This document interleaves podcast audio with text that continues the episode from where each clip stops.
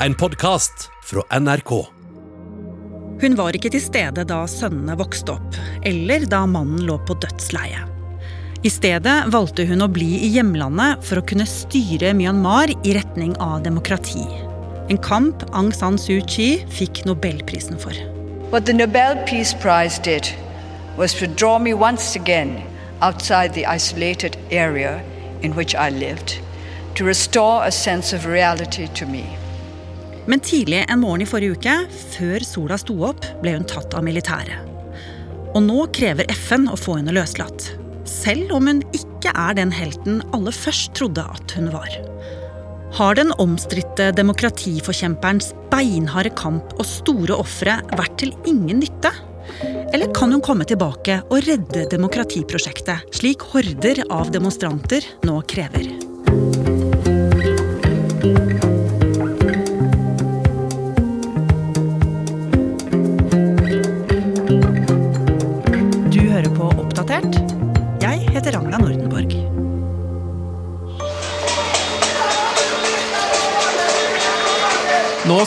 Skramler det i lokk og kjeler i gatene over store deler av Myanmar. Og det er de unge, det er studentene, det er munkene.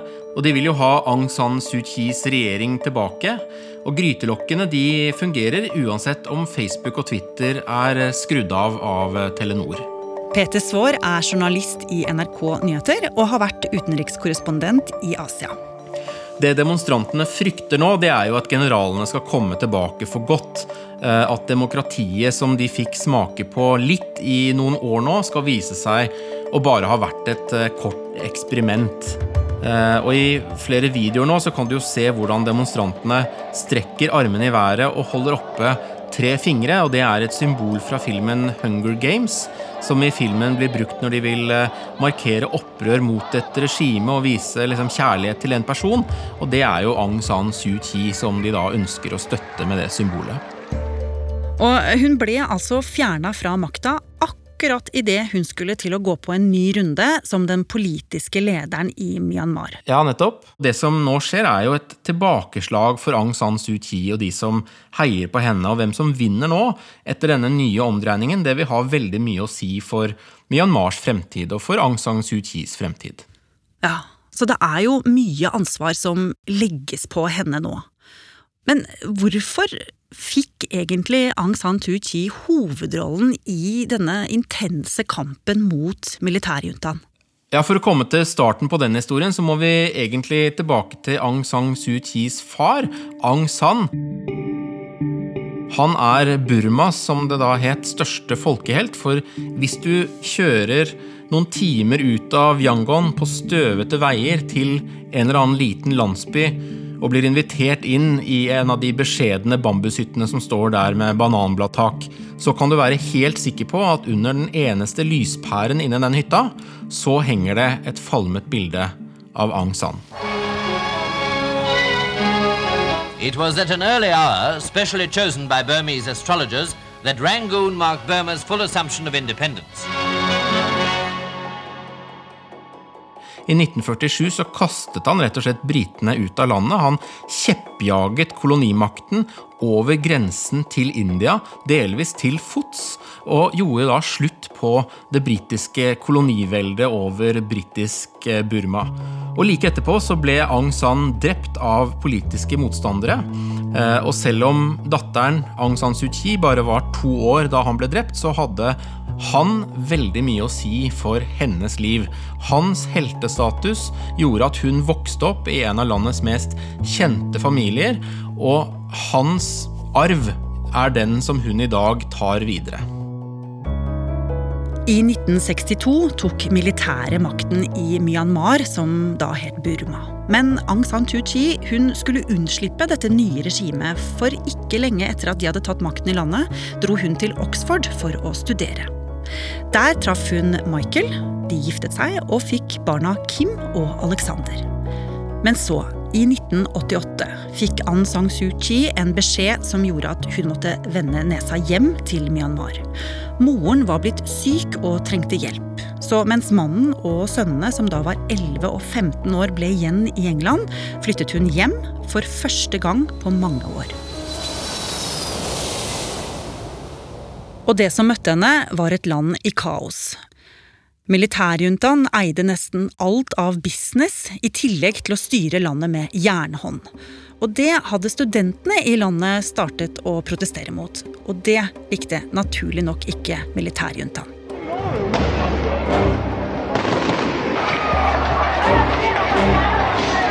Det ble et blodbad. Militæret skjøt på studentene som demonstrerte i gatene. Aung San Suu Kyi sluttet seg til studentene og ble ganske fort lederen for den nye demokratibevegelsen i landet. Og med selveste datteren til den legendariske Aung San i spissen, så ble jo demokratibevegelsen en stor trussel. Ja, og det viste hun jo da hun stilte til valg i 1990, og partiet NLD vant stort flertall. Generalene gjorde akkurat det samme i 1990 som de gjorde nå i 2021. De nektet å anerkjenne valgresultatet. Eh, og de satte henne i husarrest. Og så, da, i 1990, det var da hun gjorde dette offeret som hele verden merket seg. Hun fikk tilbud om å forlate landet når som helst, men hun nektet. Hun visste at de ikke kom til å slippe henne inn igjen. Hun ville heller sitte i husarrest og ofre kontakt med familien enn å reise. Mm. Og det fortsatte hun med, og var inn og ut av husarrest i tiår etterpå. Den eh, norske Nobelkomité har besluttet at Nobels fredspris for 1991 skal tildeles Aung San Suu Kyi fra Myanmar for hennes ikke-voldelige innsats for demokrati og menneskerettigheter. I 1991 fikk hun Nobels fredspris. Men siden hun selv satt i husarrest, så var det jo de to sønnene og mannen som hun ikke fikk se, som kom fra England for å motta prisen. Ladies and gentlemen, I stand before you here today to accept on behalf of my mother, Aung San Suu Kyi, this greatest of prizes, the Nobel Prize for Peace. Og med fredsprisen så ble hun jo på et sett og vis galvanisert da, som ikke bare et nasjonalt symbol, men som et internasjonalt ikon. En som hadde betalt prisen ved å ofre sitt eget familieliv, ved å velge tilværelsen i husarrest i University Avenue, hvor huset hennes ligger, fremfor å reise fra problemene og velge seg et komfortabelt liv i England eller i Oxford. Mm. Og selv da hun fikk vite at mannen hennes lå for døden i England, så ble hun værende i hjemlandet sitt. Og han døde jo uten at de fikk eh, sett hverandre igjen. You actually taped a farewell message for him that you sent through the British embassy, but it never got there in time. And I read about this. I, I don't know if that's how it actually happened. Well, I believe it didn't get there in time. Men det hun ikke visste, var at alle de tunge ofrene snart skulle betale seg i det hun kjempet for, nemlig demokrati. For militærdiktaturet hadde lenge vært under sanksjoner fra Vesten, og de ville løsne litt opp, i alle fall tilsynelatende. Og for Aung San Suu Kyis del så betød det at hun kunne møte barna, som nå var blitt voksne menn, og ikke minst drive politikk ute blant folk. Så på dette tidspunktet så gikk det jo ganske bra for henne, Peter. Ja, i 2016 så vant hun det første virkelig frie valget i landet. Og jeg var der og dekket valgkampen, besøkte valglokalene. Folk var så utrolig glade. De holdt blå pekefingre som var merket med sånn blekk i været som et seierstegn. Og på kvelden så husker jeg at vi var oppe ved NLD-hovedkontoret, og der trillet valgresultatene inn på sånne store valg, sånne skjermer. Og folk var altså helt i ekstase. De danset i gatene, og det var en lettelse over å være kvitt juntaens grep og tro på en ny fremtid som jeg aldri kommer til å glemme. What do you feel now? Uh, the most amazing event in my life. So, wow, she's amazing, as you know.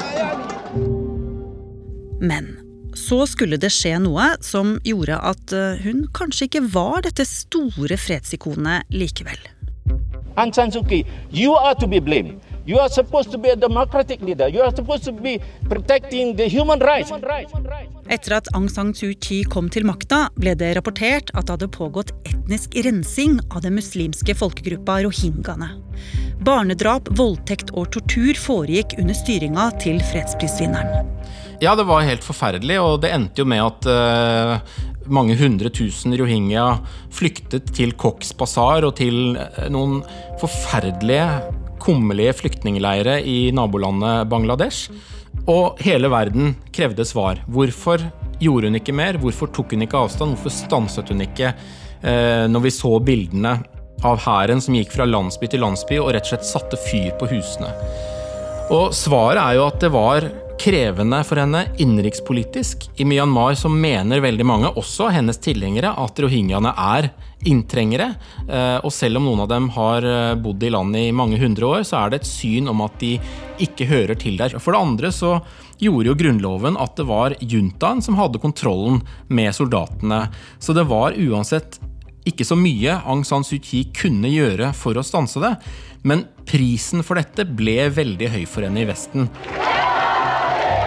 The world used to see this woman as a symbol of peace and human rights.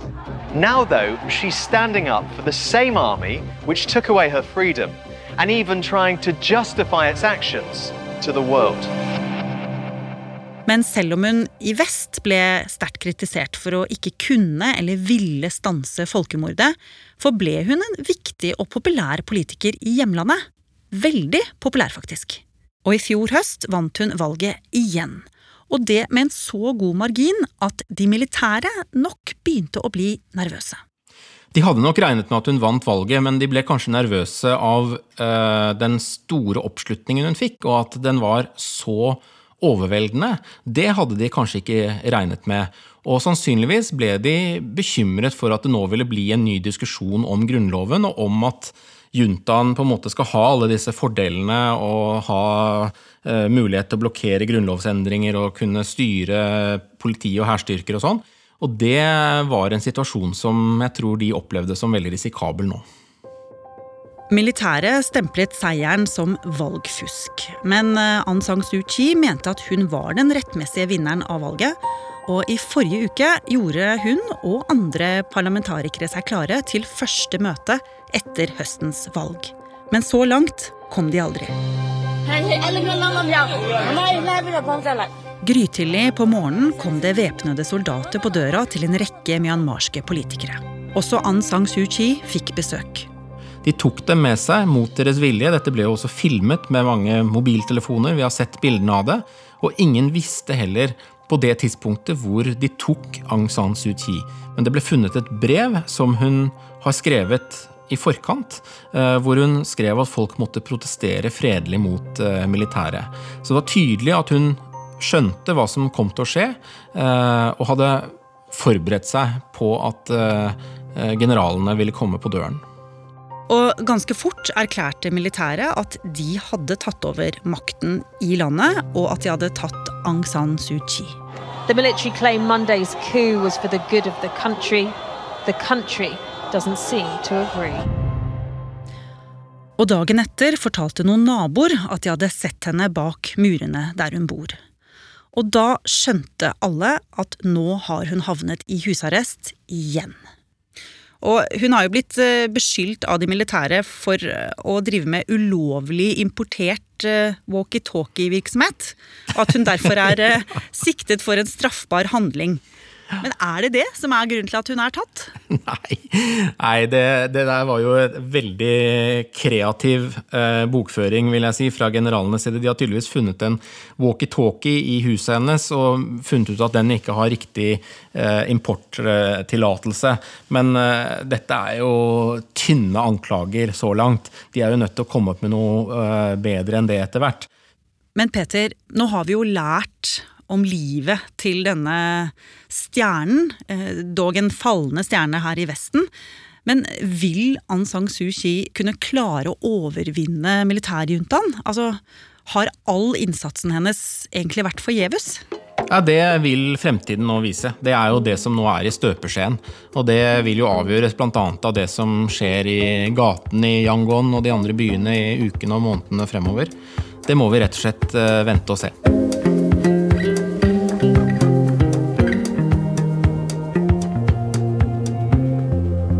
Har du lyst til å bli fast lytter av oss i Oppdatert og få påminnelse om nye episoder, så er det bare å abonnere på oss i NRK radioappen. Og så er det veldig hyggelig hvis du vil anbefale oss til en venn. Oppdatert er en podkast fra NRK Nyheter, og denne episoden er laget av Ida Tune Øretsland, Andreas Berge og meg, Ragna Nordenborg. Eva Midthun Leira er redaksjonssjef. Vil du kontakte oss, gjør gjerne det på oppdatert krøllalfa nrk.no. Du har hørt en podkast fra NRK. Hør flere podkaster og din favorittkanal i appen NRK Radio.